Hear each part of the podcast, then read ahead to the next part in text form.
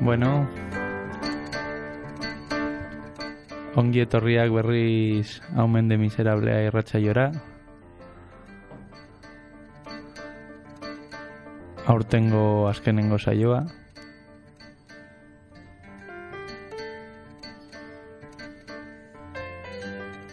Eta aurrengo urteko lehena.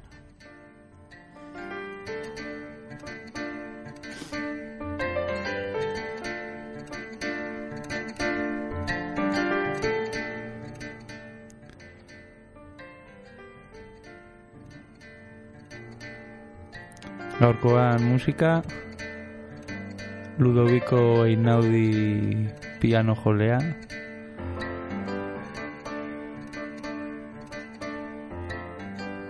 Diario Mali edo deitzen da diskotik hartuta dago Balake Xixoko omen den batekin.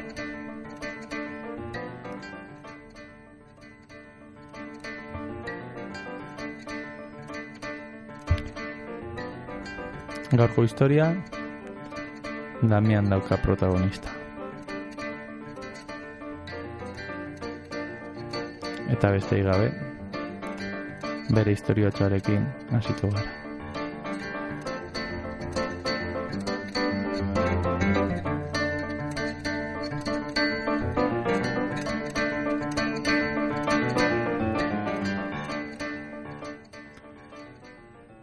Autobusaren ateak itxi ziren, motorra martxan jarri eta gurpilak astiro hasi ziren mugitzen.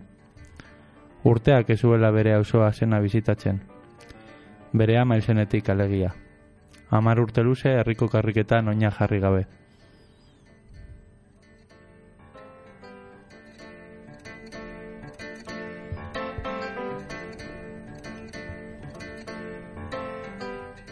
Autobusaren lehiotatik ikusten zuena, arrotx egiten zitzaion.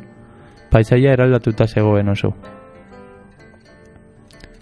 Hanemenka perretxikuen antxera urbanizazio berriak altxatzen ziren. Maketa baten antxera sentimetro-sentimetro errepikatzen zen patroi bati jarraituz.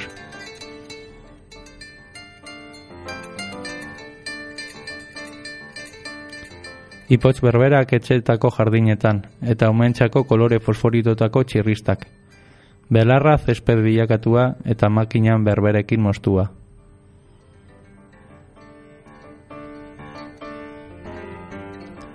Serian egindako etxeak ziren, bertako bizilagunak moldatzen zituztenak.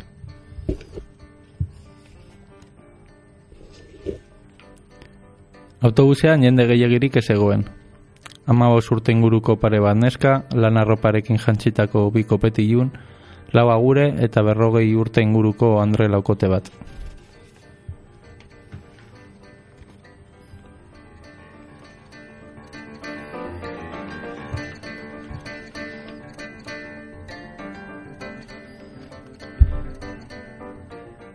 Garabiz eta kamioiez jositako paisaian aurrera egin zuten, mendi partean ere eraldatuta zegoen paisaia. Aiz arrotak ikusten ziren mendi batzuetan, bitartean beste batzuetan tunelak eta biaduktoak egiten ari ziren. Pinudi eta eukaliptuekin landatutako hektareak asko ziren ere.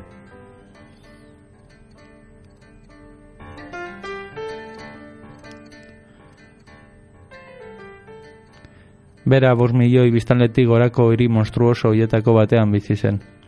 Zuaitzek funtzio ornamentala betetzen zuten leku batekoa. Eta orain zuaitzen funtzio industrialarekin topo egiten zuen. Zuaitz funtzioa betetzen duen zuaitzik egongote da munduan, pentsatzen zuen bitartean. Kilometroak egiten zituzten.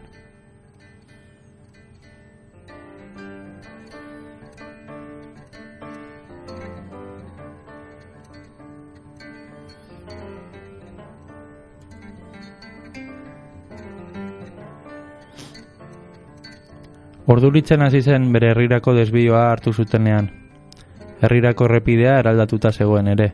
Orain saiez bidea zen, eta kotxeek ziztu bizian pasatzen ziren eskalestrik pista horretan.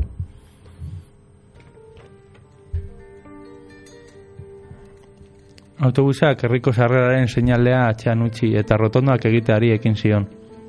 Rotonda bat bestearen atxetik, eta rotonda bakoitzaren barruan eskultura erraldoiak. Eskultura batean lore sorta bat zegoen, eta rotondako loren artean gurpil batzuen arrastoa ikusten zen, eta ondo begiratuta paratxokezeko zatiak. Arteak era hilda, jarriko zuen agian, burdin zati horren kontra talka egin zuen horren eskelan. Eta agian, eskultoreak hildakoaren familiari arte obrari egindako kalteen arira indemnizazioa eskatu.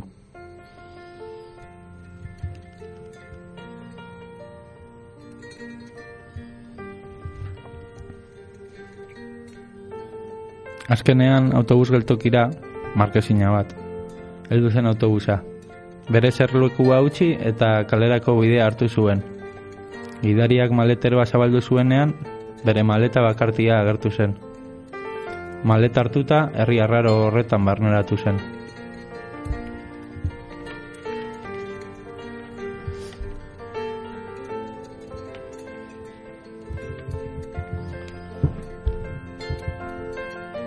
Plazarako bidea hartu zuen, taberna berrien artean, itxitako arrandegien artean, eta satartasunari egindako monumentuak ziren espetxe itxurako VPOen artean.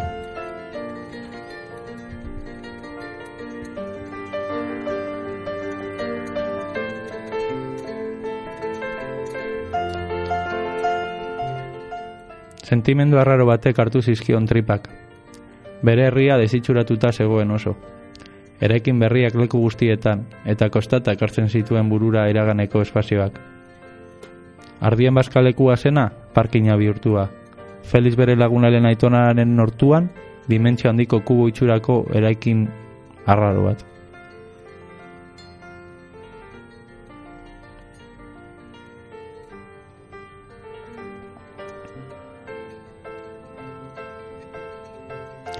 Tipitapa bihanditzi zeneko taberna baten aurrean geratu zen azkenean. Zenbat ordu igaro zituen lau pareta hoien artean. Herriko pintxoriko berenak egiten zituzten bertan.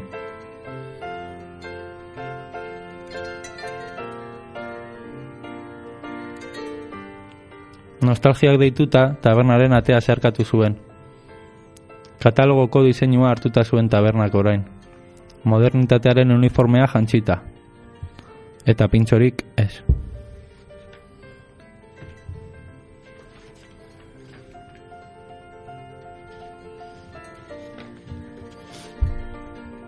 Kafe hartu zuen, utxa. Utxa sentitzen zuen berak ere bere barnealdeko ere jakin batean. Hortzez natu izan balitz, ez luke pistarik aurkituko gaztaroko orduak taberna horretan gastatu zituela jakiteko.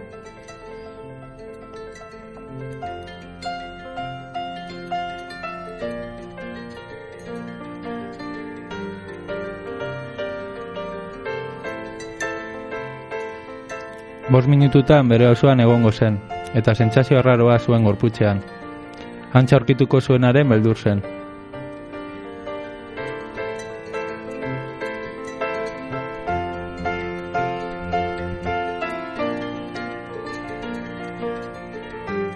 Bere beldurrak egi bihurtu ziren maldaren bestaldea ikusi zuenean.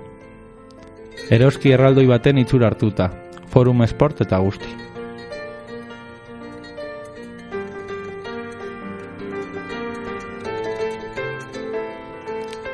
Bere osoa zenaz, harri bat bestearen gainean ezen geratzen.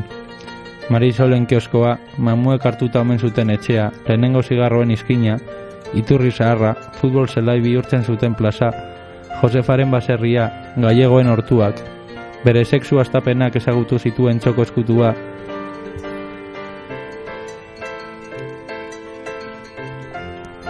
Iragan gabeko umez bilakatu zen bapatean, zaplasteko eder hartuta oroitzapenak mutilatuta bezala.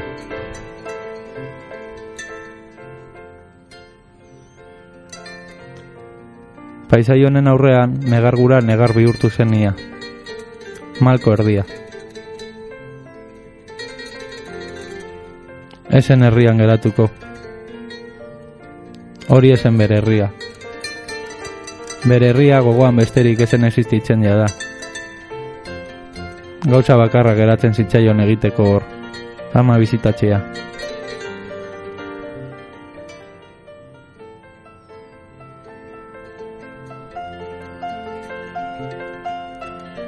Ilerriko bidea hartu zuen, penatuta. Iraganeko kontuak buruan zituela, maleta bakartia arraslatzen zuen bitartian.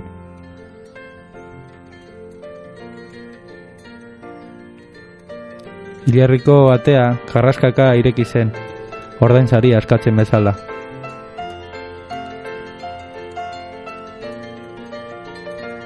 Bilatu arren, bere amaren hilobia aurkitu ez zuenean, esen gehiagi harritu.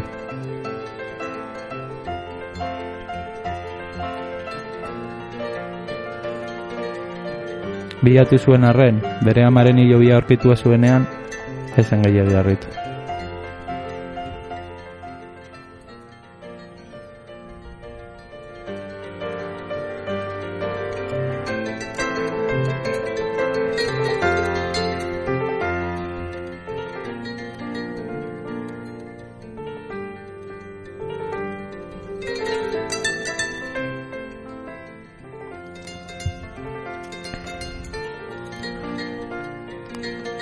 Eta, bueno, hau izan da aste honetako historiotxua. Eta besterik gabe, ba, pronostiko guztien kontra urte berrion eta ondo pasa. Aio.